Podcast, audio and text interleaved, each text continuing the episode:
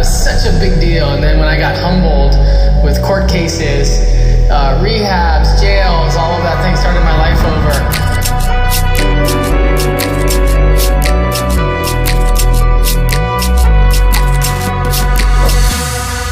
All right. I would like to say warmly welcome to uh, the podcast that's called En Beroendepodd on Swedish, but in England we call it, or in America we call it an addiction podcast from now on. My name is Nemo Hedén and I'm sitting in Palm Springs, California, uh, outside Los Angeles, and I'm on a convention, a 12 step convention, and I'm doing some podcasts from over here. Yesterday, uh, I talked to a fantastic lady called Jackie, and uh, we got to hear her life story, and uh, I thought that was pretty amazing, and I hope you did that as well. And uh, today we have a new guest from around here, and I feel so honored and blessed to do this, and a little bit nervous because English is not my first language. You know that, so bear with me. Um, I hope you'll understand what I'm saying, and I hope you um, will enjoy this episode.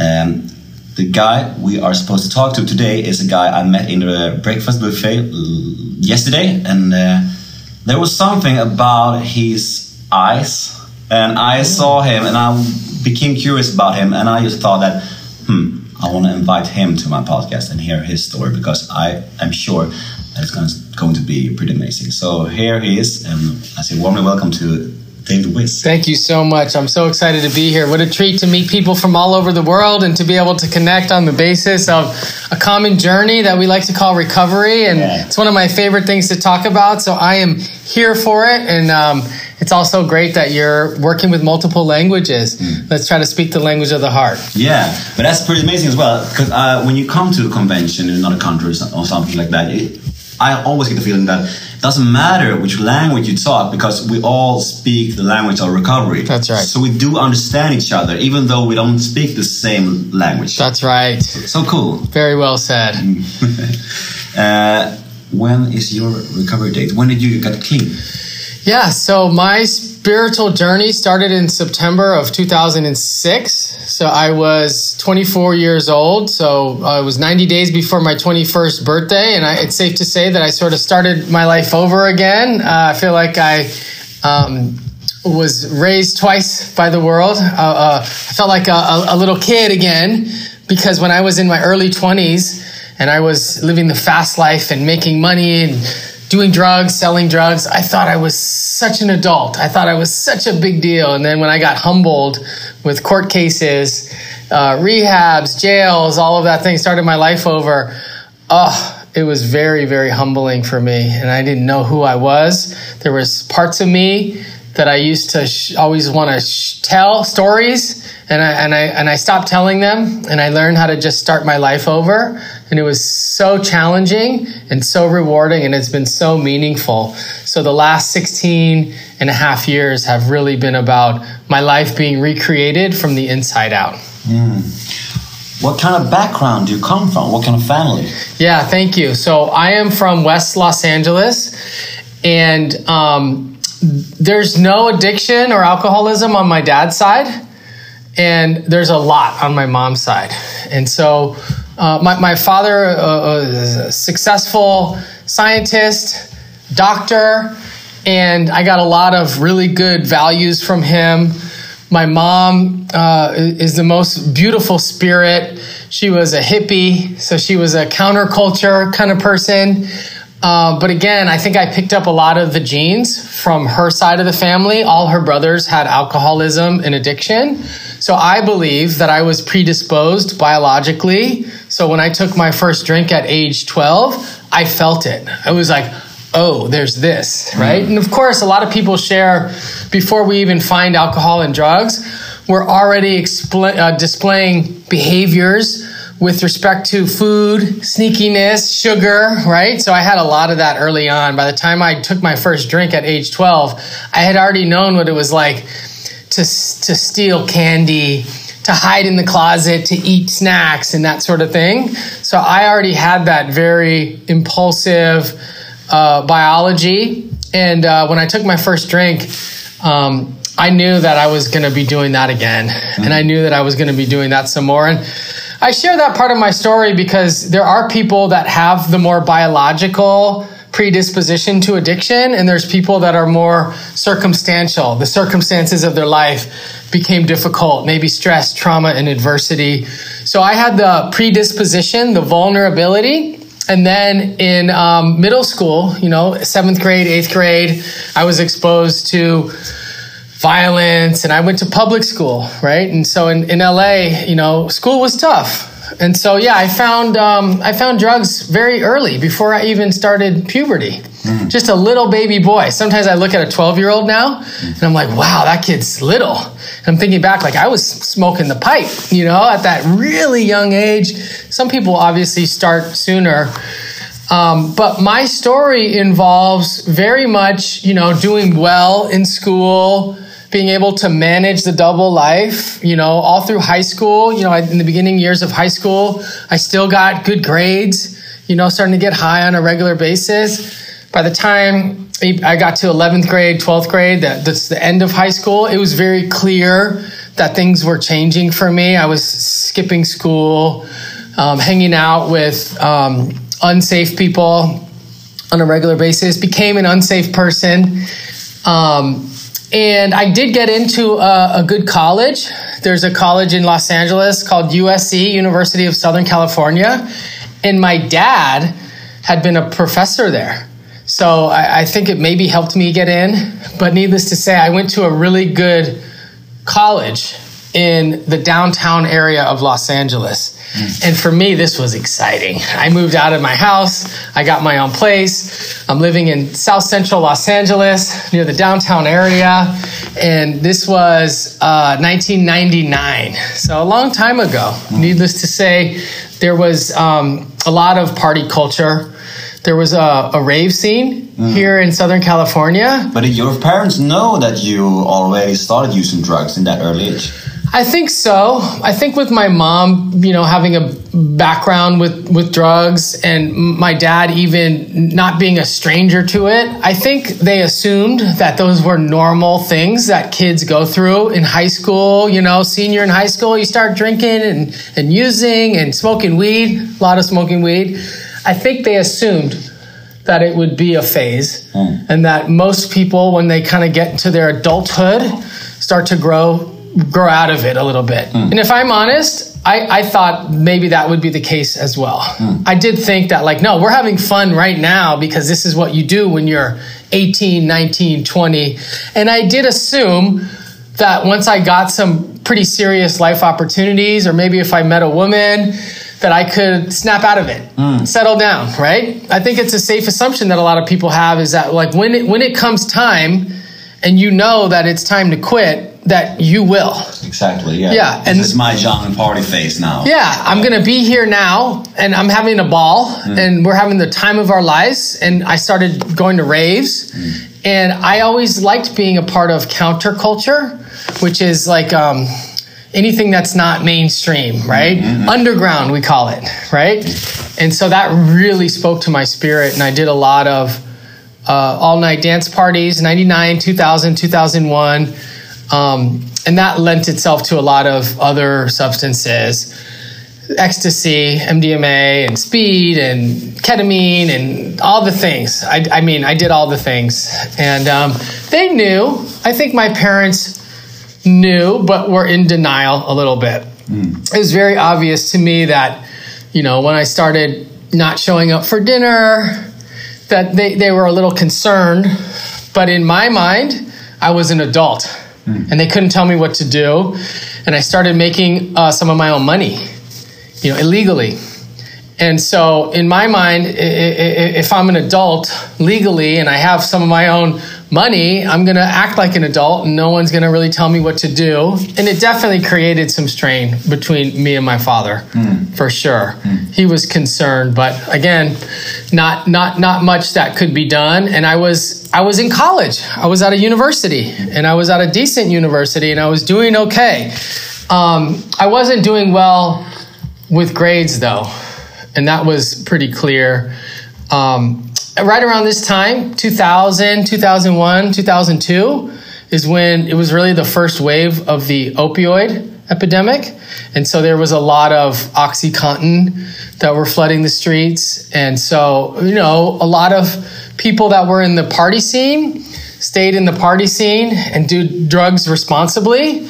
And then there's there's those of us that like carry it into Monday morning and you know what I mean? A lot of pharmaceuticals, a lot of opioids, um, uh, a lot of cocaine, uh, and I definitely even uh, smoked a good amount of crack. Mm. Yeah, I, I, did all the things. I maxed out, and um, you know, it was it it was a time when um, I hadn't had any consequences yet.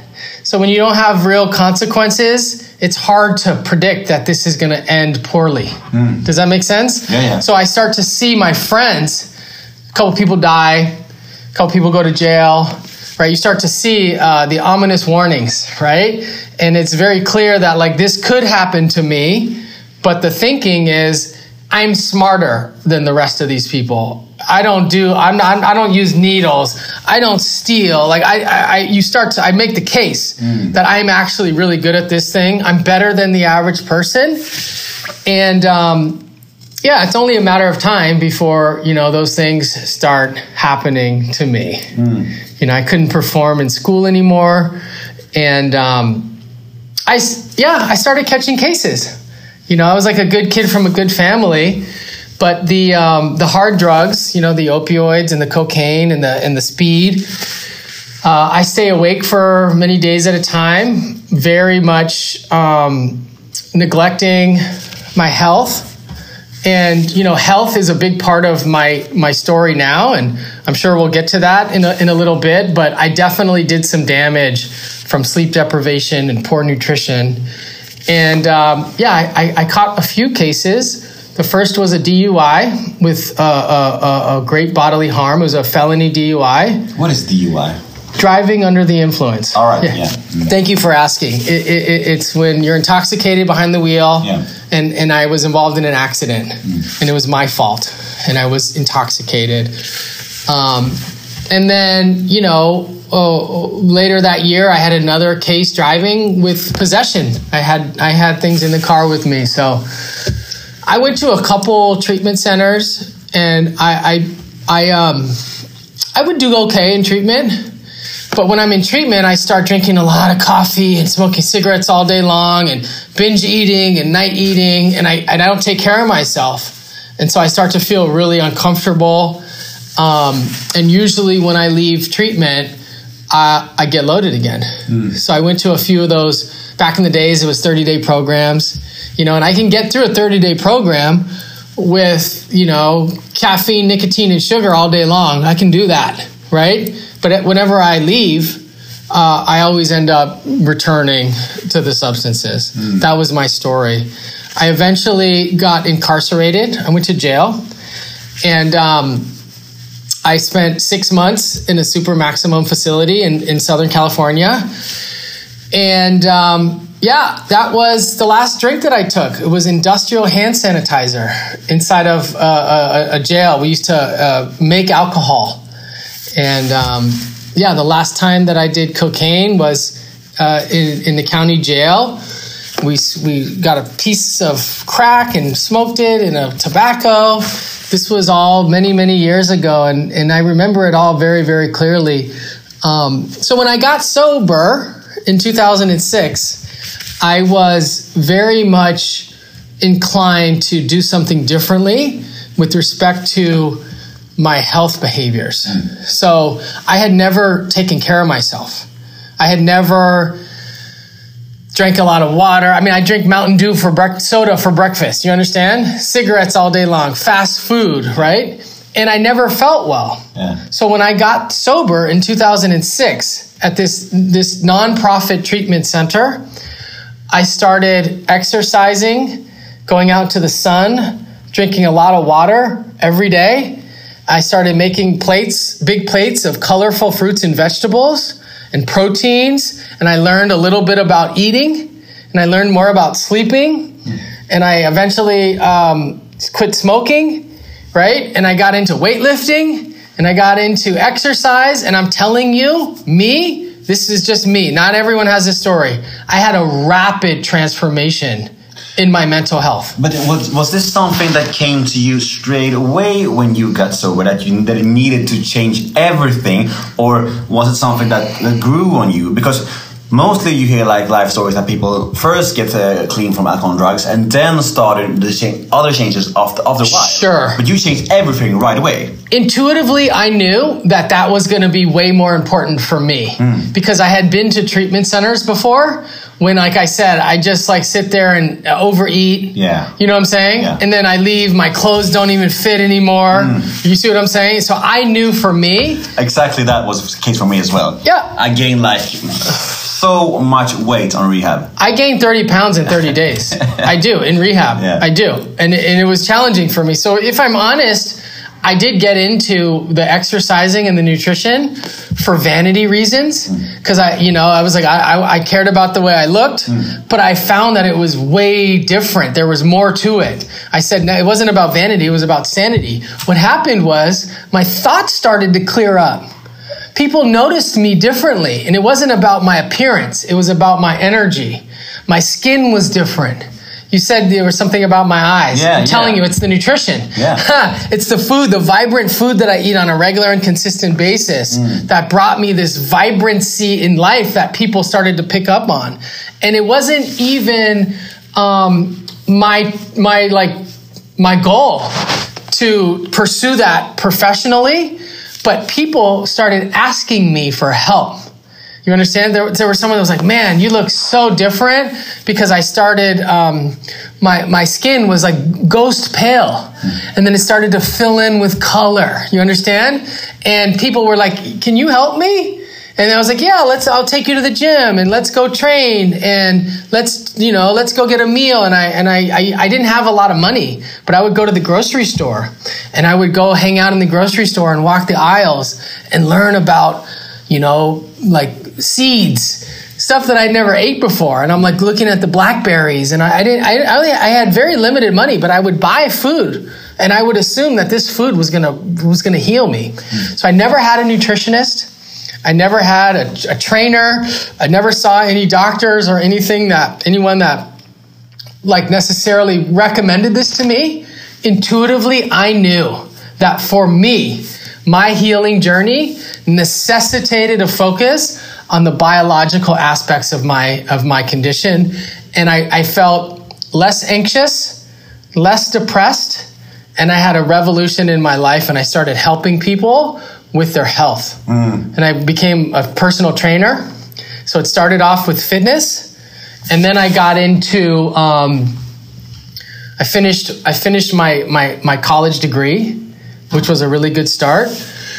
And I was like, I'm sober now. I'm doing 12 step stuff. I'm starting to speak a lot. And like, I learned like when I'm confident, I can speak clearly. I'm not nervous. I feel like I believe in what I'm doing. I have a message to carry. And I never really talked a lot about the nutrition and the uh, wellness a lot in, in, in, in, in meetings you know because it's it's it's an outside issue right so sometimes you know um, it's a really awesome chance to get to talk about this version of my story. Mm. I would talk about it a little bit but it would sometimes make people uncomfortable you know what i'm saying?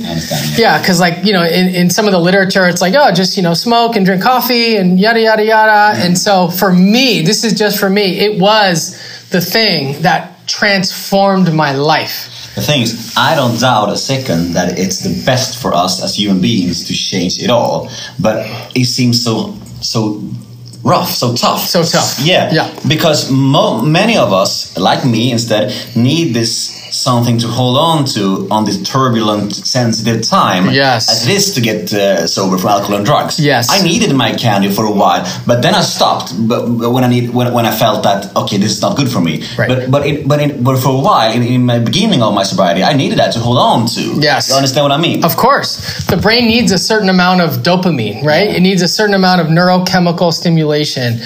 And uh, I think it's very wise to say if someone's on hard drugs, alcohol for many years, and then you cut that out completely, you're going to need other sources of it. So for me, I kept the caffeine, mm. and I use the caffeine a lot, you know, to work out. I see you.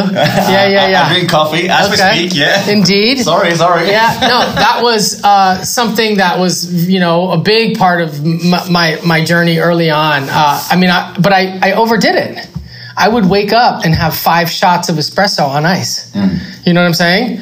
And then later on in the afternoon, go have a pre workout supplement to go exercise, right? And so it was um, helpful until the point that it no longer was, mm. which took many, many years. But I also believe that by being active in, in, in recovery, speaking at meetings a lot, that gives me like little bits of dopamine. When I do exercise, right? When I go help people, when I go show up for my family, I'm getting little bits of dopamine, not big spikes. So, so, so the person with addiction prefers the spikes, mm. a lot of it at once, right? And so I stopped doing the big spikes and started doing more small, uh, uh, sources of neurochemical stimulation. And, and, it was the best thing for me because if you overactivate your reward system, too much dopamine, it makes it very difficult to actually be happy. Hmm. Dopamine can, can block serotonin in some way. Serotonin is the other neurotransmitter that makes people feel happy. So, one of the things that I learned was that I had been confusing pleasure for happiness.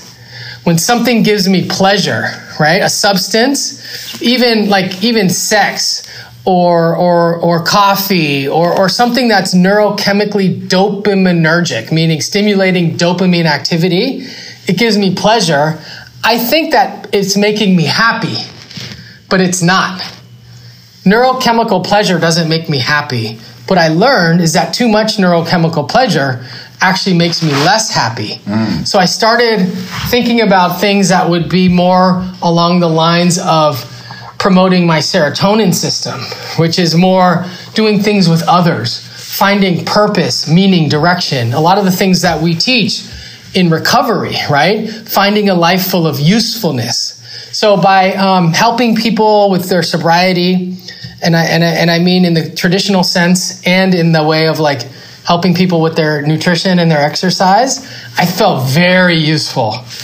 And I felt a strong calling of like, I'm going to make a difference, right? This is something that was so big for me that it doesn't seem like a lot of people are talking about. And so I want to be the one to talk about it. Mm. And I went to graduate school to get a master's degree and to become a registered dietitian, which is the nutrition professional here in the United States. And I started focusing on nutrition for mental health. So instead of doing nutrition for abs, for muscles, for, for appearance, I started doing nutrition for brain health. Mm. And that was what was so transformative for me. And um, my master's thesis, you have to do a big study to get a master's degree. You don't have to, but I chose to, was called Nutrition and Substance Abuse. So I started learning about how different substances affect different nutrients. You know, for example, you know, alcohol depletes certain B vitamins. Opioids have an effect on your gastrointestinal tract, right? Some of the stimulants like cocaine and methamphetamine are associated with other changes in the brain, possibly some um, electrolyte changes, mineral changes. And so I got very curious can we use food and supplements and exercise and sunlight and sleep and water to help people recover from addictions, mm. right? And I founded a company called Nutrition in Recovery 10 plus years ago, and we started bringing nutrition education groups to treatment centers in the Southern California area.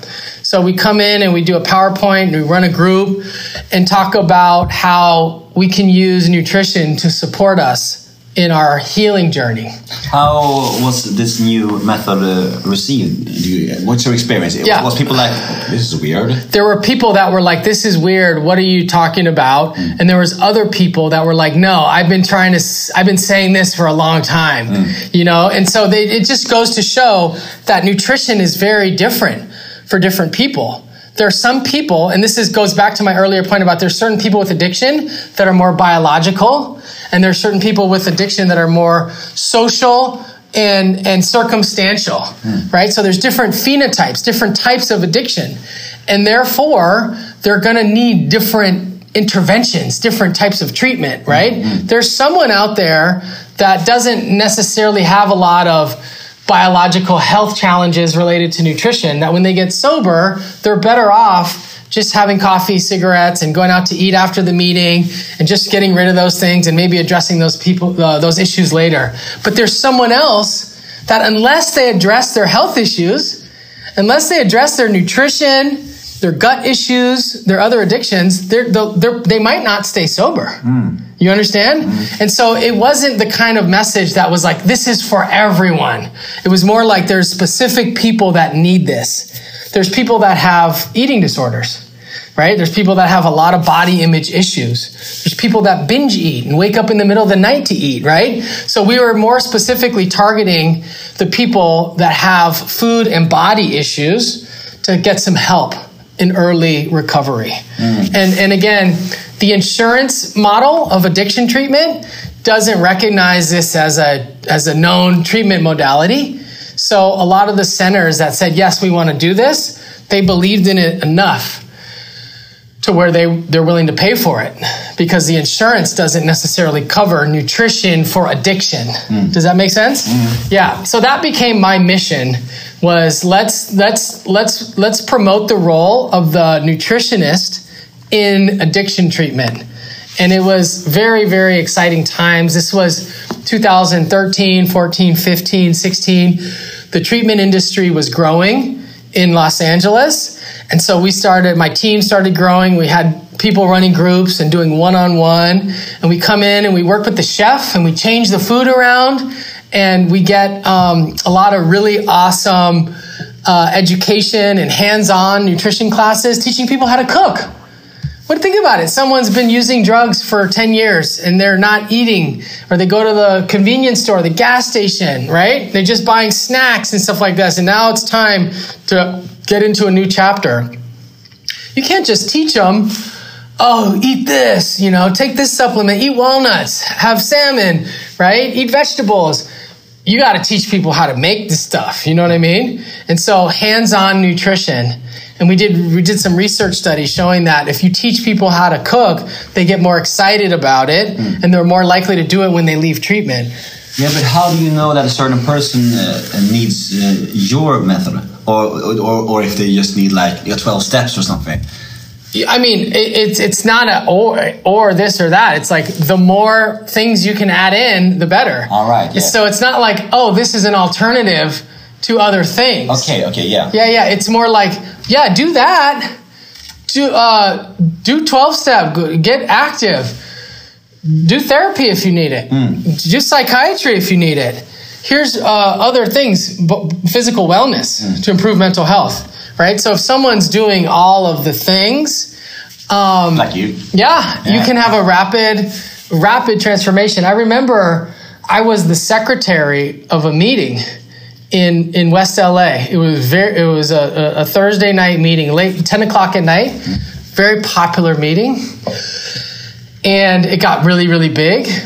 We would put out uh, veggie platters with hummus and and nuts. You understand? So instead of serving candy and chips, we are serving sugar snap peas and hummus and walnuts. You understand? I love that. Yes. Yeah. Yeah. Yeah. yeah. But uh, but uh, uh, I I predict that uh, some of the addicts got pretty annoyed about. Of that. course. Yeah. Of course. They need their sugar. Sure. Yeah. But but but but this idea that you you know like the sugar is is like it's it's promoted by the food companies that yeah. you need it. It's here, like yeah, it's, it's, in your face. It's, it's, poison. Yeah, it's in your face all the time, right? Even like when we came to this hotel, at, when I checked in, they're like, you want cookies. That's a cookie. Yeah. Did you go for it? Yeah. Of course. The things. I, yeah. I know this is gonna sound like an excuse. Yeah. I've been on uh, like three planes. For, Uh, you were hungry. 24 Yeah, hours. yeah, yeah. But I know it's fucked up. How can Yeah. it be like that? Why Yeah. didn't you give me fruit or something? That's right. Yeah. And so I like the occasional cookie, but when I got here, I was like, I, no, I just want water. Yeah. You know what I mean? And, and I, I like treats. I like snacks. I like desserts. I'm a very food positive person. Mm. I think a lot of times when people learn that I'm a doctor and a nutritionist, they think that I'm going to be very negative about food. Yeah. That I'm going to be telling them, you know, don't eat that. Yeah. That's bad for you and food shaming. I'm very food positive. I work with people that have eating disorders, right? And like that have a lot of issues around food and body. So there's a way to promote healthy eating, healthful lifestyle patterns without um, being rigid and being very um, negative about the whole thing. Yeah. yeah, It's one thing to tell others how to live their lives. That's right. Yeah. Do you experience that you live as you learn as well? Absolutely. Yeah. Absolutely. And, and, and we all make mistakes and learn along the way. And I had to learn a lot about how to message health and nutrition to people, you know, because, for example, some people have different uh, access to resources, differing amounts of money. Not everyone can afford to go, you know, to the best grocery store and buy organic produce all the time. There's people that have to approach it very differently. So just learning how to be sensitive to different cultures, different socioeconomic status per se, and um, yeah, being very food positive means it's not about like weight loss. A lot of people think when we talk about nutrition that we're talking about weight loss. We're talking about nutrition for mental health, which is very, very different, right? So, so this uh, the company was a big success. My recovery took off. I do attribute my personal recovery to spirituality, right? Twelve step spirituality, uh, nutrition, exercise, and also the going back to school because if you think about it if if you're anything like me the addiction taxes my brain right? It affects my brain. So i need to heal my brain right? I need to put in the nutrients to heal my brain. I need to be able to sit quietly so my thoughts aren't racing. I need to move my body and move the blood around right? So i did a lot of work to rewire my brain. And after like three or four years sobriety when i was in graduate school i really felt the difference I'm talking about being someone that used to stay awake for four days at a time. I remember when I was in jail one time trying to read the, the, the big book and, and, and I couldn't. I couldn't concentrate. You understand? I just look at the page and I, and I go to the next page. And I didn't remember what I looked at. And so fast forward, sober, using nutrition, exercise, all the things I've talked about, sunlight, sleep, etc., supplements, um, all of a sudden, I'm getting 100% on exams mm. in graduate school. You understand what I'm saying? Cool. I'm learning, like I'm, I'm reading mm. and I'm learning and I'm taking notes. And I felt my brain rewiring and I felt my neurons firing and I felt my memory storing and I felt myself healing. And there's a part in the, in the literature, it says, when the spiritual malady is overcome, we straighten out mentally and physically, mm. right? And so for me, I had to overcome the spiritual malady through recovery, but I also needed to straighten out mentally and physically. For me, I wouldn't have stand a chance uh, being sober if I just ate junk food, smoked cigarettes, and drink coffee. For me, I, that I wouldn't have I wouldn't have made it. But is it your experience as well that uh, this lifestyle affects uh, in a positive way uh, if you have like HD and D? The, diagnosed HD. ADHD. ADHD. Yes, yes. So, so that's exactly what I've transitioned from. That's a, a great question. I went on to get a, a doctorate from UCLA, one of the top universities in the nation. I got a PhD in public health and health psychology. Nice. And I started studying nutrition for the broader field of mental health. So, not just nutrition for addiction, nutrition for ADHD, anxiety, depression, PTSD, right? Of course, eating disorder. And I do a lot of research, and my work is on food addiction. People that become addicted to ultra processed foods.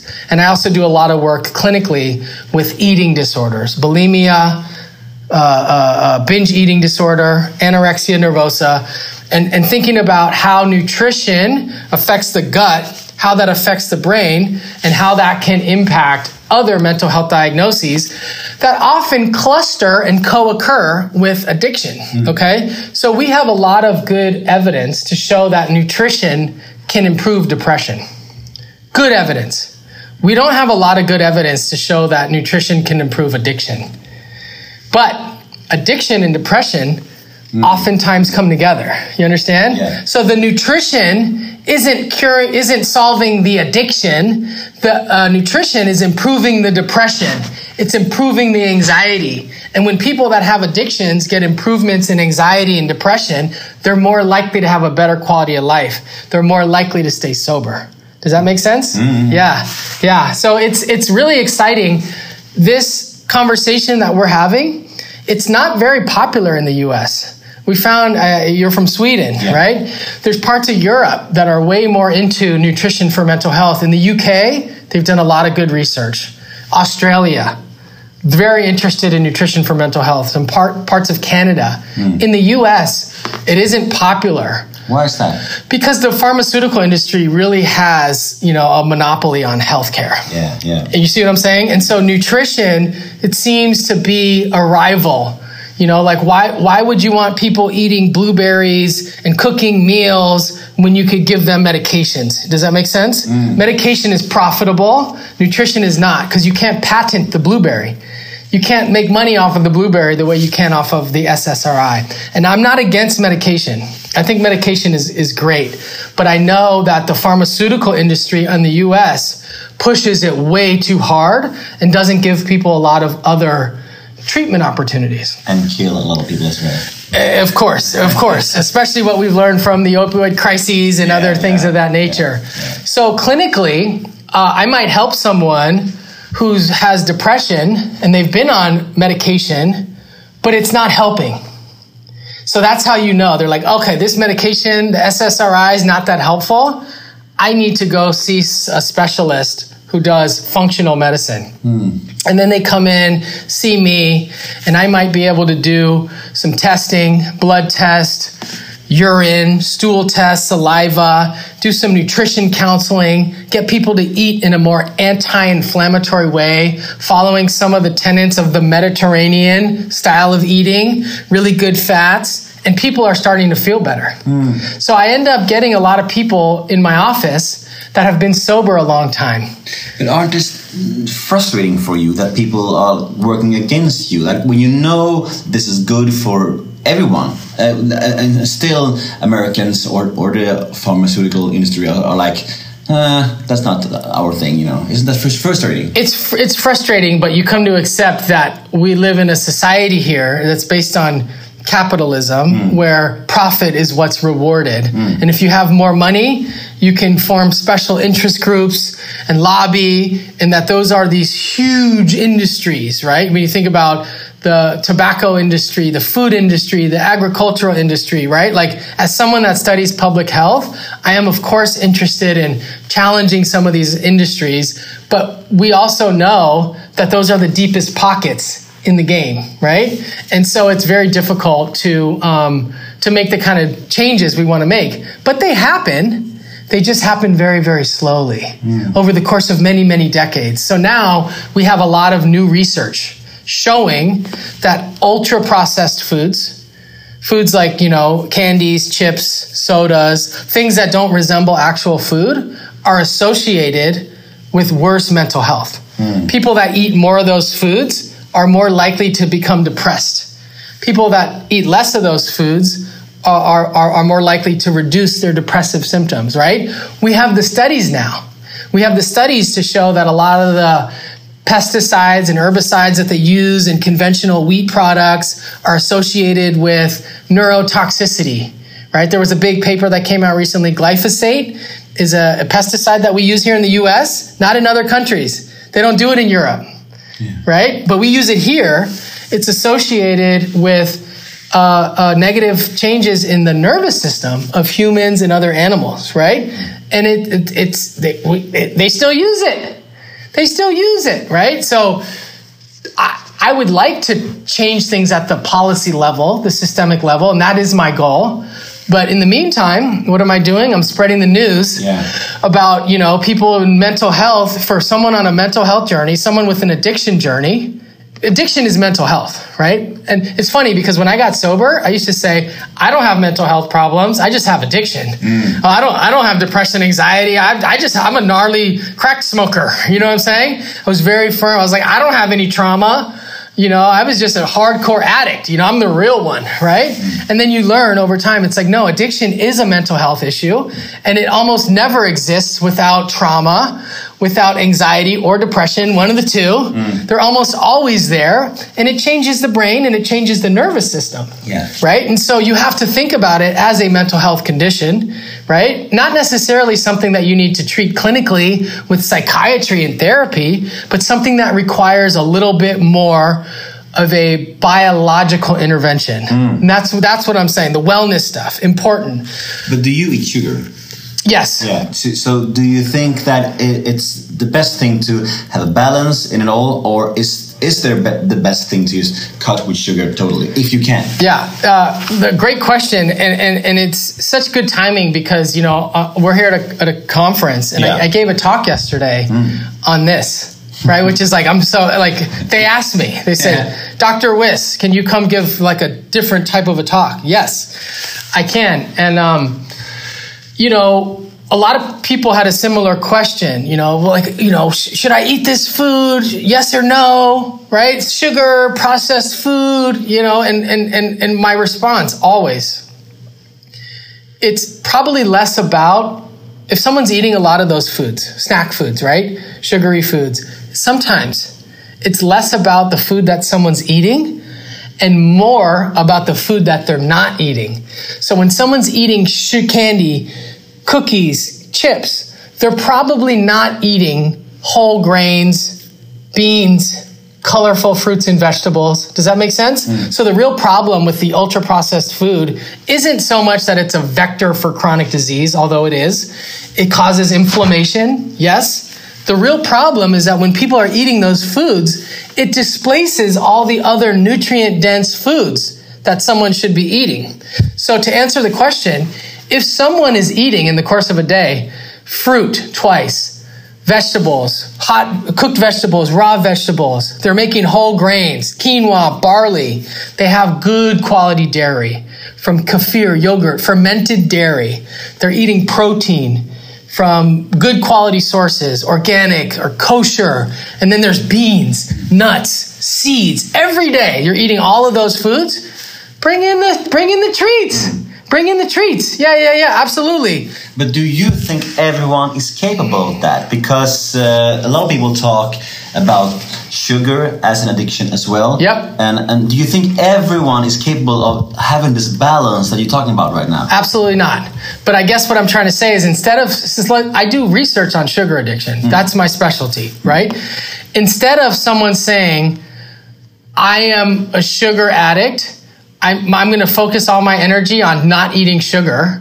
What I'm saying is once you say I'm a sugar addict, focus all your energy on eating nutritious foods, mm. right? As opposed to like staying abstinent. Yeah. Some people do abstinence, and I and I support people who do that. But what I'm saying is, if you focus on your health and you eat really well, and you start to sleep good, and you start to meditate, and you start to fulfill your life with serotonin, you don't need the dopamine fixes as much. And then over time, it hits, it hits your brain differently. It's instead of staying away from the bad stuff, focus on getting the good stuff inside of you. Yes, you crowd out all the stuff that you don't want. And some people will continue to have it here and there. Some people will be able to say at some point, you know, this doesn't serve me anymore. I don't want the cookie when I show up to the hotel. I don't want it, right? Mm. But at that point, once someone is in, in a good place, they're, they're, they're eating well, it's so much easier to get off of it. Mm. You understand? It's like, it's like trying to quit cocaine with nothing in place. It's It's like if you think about it, what do you do when someone goes into rehab? You build a new life, change things so that you have a chance of staying sober after you leave. Go to a 12 step group, right? Same thing with food. If you don't change some things around to set yourself up for success, learn how to go to the grocery store, learn how to cook food for yourself. You're not going to you're not going to you're not going to be able to get off of it mm. because it's everywhere. Yeah. So you need to build a new foundation with wellness to be able to even be in a position to make the choice do I want to get off sugar? Mm. People try to get off sugar with no foundation. They don't even know how to cook and they're trying to get off sugar good luck. You know what I'm saying? It's just like, it's, oh, you're going to be on an airplane and they have snacks, you're starving. And the, and the crackers have the, the cookies, they all have sugar in it. You see what I mean? So you have to build a really good foundation in wellness before you can make those really strong moves. All right, now I'm gonna talk on Swedish for a while. Is that okay? Yes. um, vi ska koppla in vännerna från The House Rehab för att svara på en liten lyssnarfråga i segmentet som heter The House svarar. Ja, då har jag ännu en gång fått sällskap av mina vänner från The House Rehab här framför mig. Och vi har Robert och vi har Anna. Hej och välkomna! Hejsan Nemo! Tack, hej! Hej, hej, tack, tack för att ni är här. Ska vi försöka mm, svara på en lyssnarfråga? Vi kör! Ja! Mysigt. Vi kör! Hej! Jag har en fråga som jag har tänkt på ett tag och den gäller det här med att vara anhörig. Har en beroende någonsin insikt och förståelse i hur den anhörige påverkas? Eller är sjukdomen så pass stark att allt sånt suddas ut? Det var en bra fråga, för jag fick, jag fick gåshud. Oj, det blev liksom tyst. Jag fick gåshud av mig själv.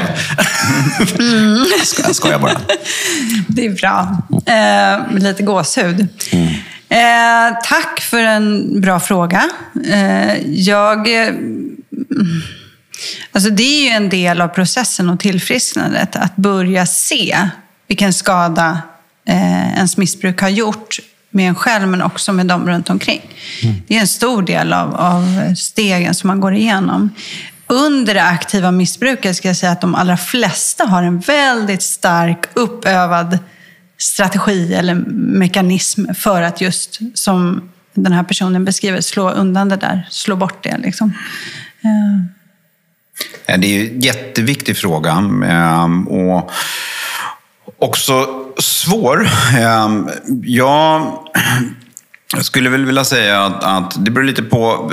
Ett så är det viktigt för den beroenden i tillfrisknandet att förstå vad man har gjort mot nära och kära och på vilket sätt man har utsatt dem för till exempel svektrauma med alla, alla lögner eh, och som de flesta eh, beroende har sysslat med. Nej, jag har inte druckit. Jag förstår inte vad du pratar om. Och, och kanske blir lite arg till och med. Och här, i de situationerna så behöver jag förstå att jag har utsatt min partner för, för svektrauma. Ehm, eller ska vi vara lite tuffa här nu? Jag har i princip våldtagit hjärnan på min partner.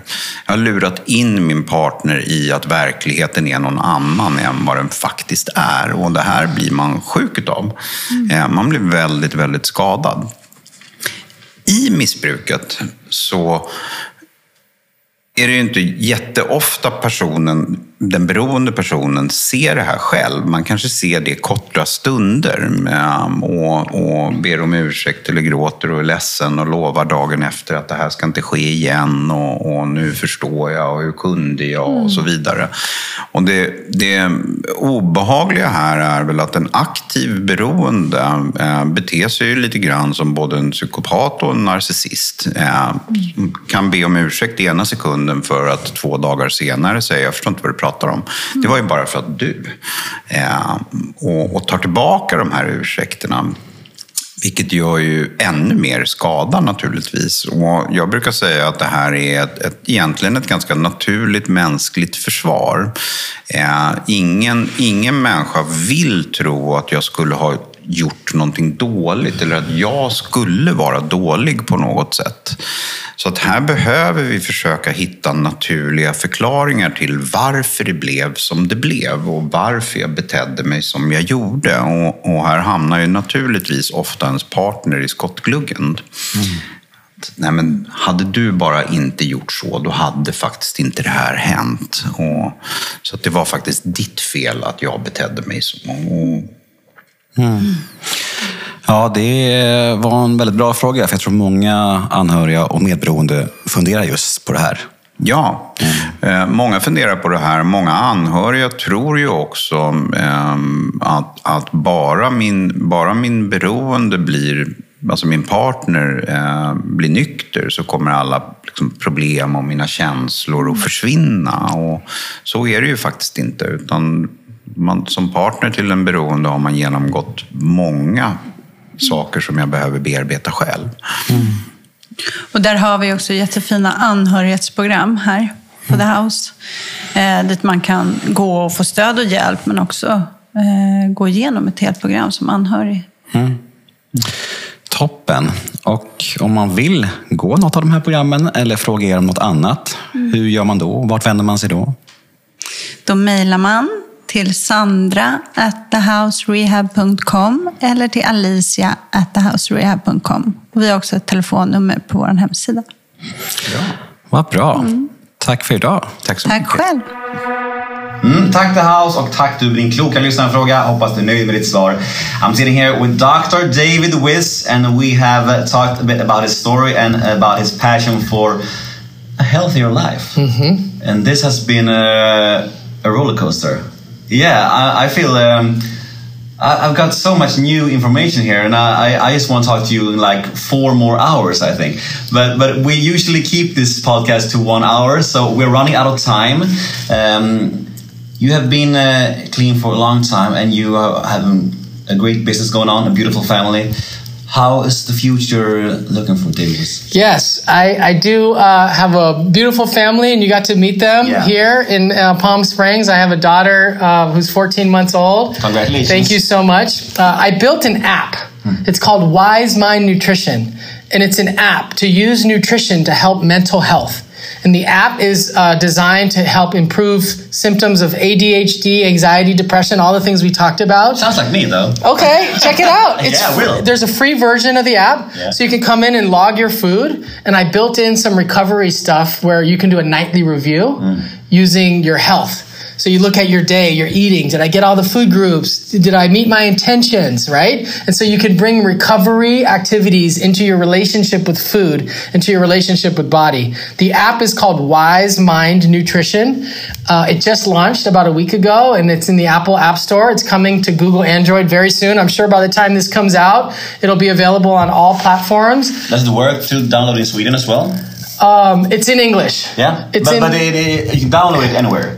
Uh, that's a really good question, and uh, we, we, sure hope so. Okay, well, after this, let's do this. I will make sure to go back in and configure yes. so yes. that Wise Mind Nutrition is available in Sweden. Yes, I will. I will absolutely do that because uh, it's a revolutionary program mm. to help improve addiction disordered eating and mental health with nutrition and lifestyle medicine. So there's videos, uh, cooking, um, meditation, assignments. You basically create your own plan on how to use nutrition for addiction and mental health. I'm sure that our listeners would love to uh, try that app. Okay. So so you you fix that. I will fix that. Yeah. Uh, Wise Mind Nutrition coming to Sweden? Yeah, great. Yeah. And David, this uh, was a pleasure to meeting you and talk about your story and your mm. passion. Is was uh, yeah, I learned so much today. Awesome. I'm so glad that we got a chance to chat and connect here. Yeah, and uh, to all the listeners out there. Um, I'm grateful that you listen to the podcast every week. I'm so proud that this is Sweden's biggest podcast about addiction, and we talk again next Wednesday. Take care and lots of love from Nemo and David. Bye for now. Bye.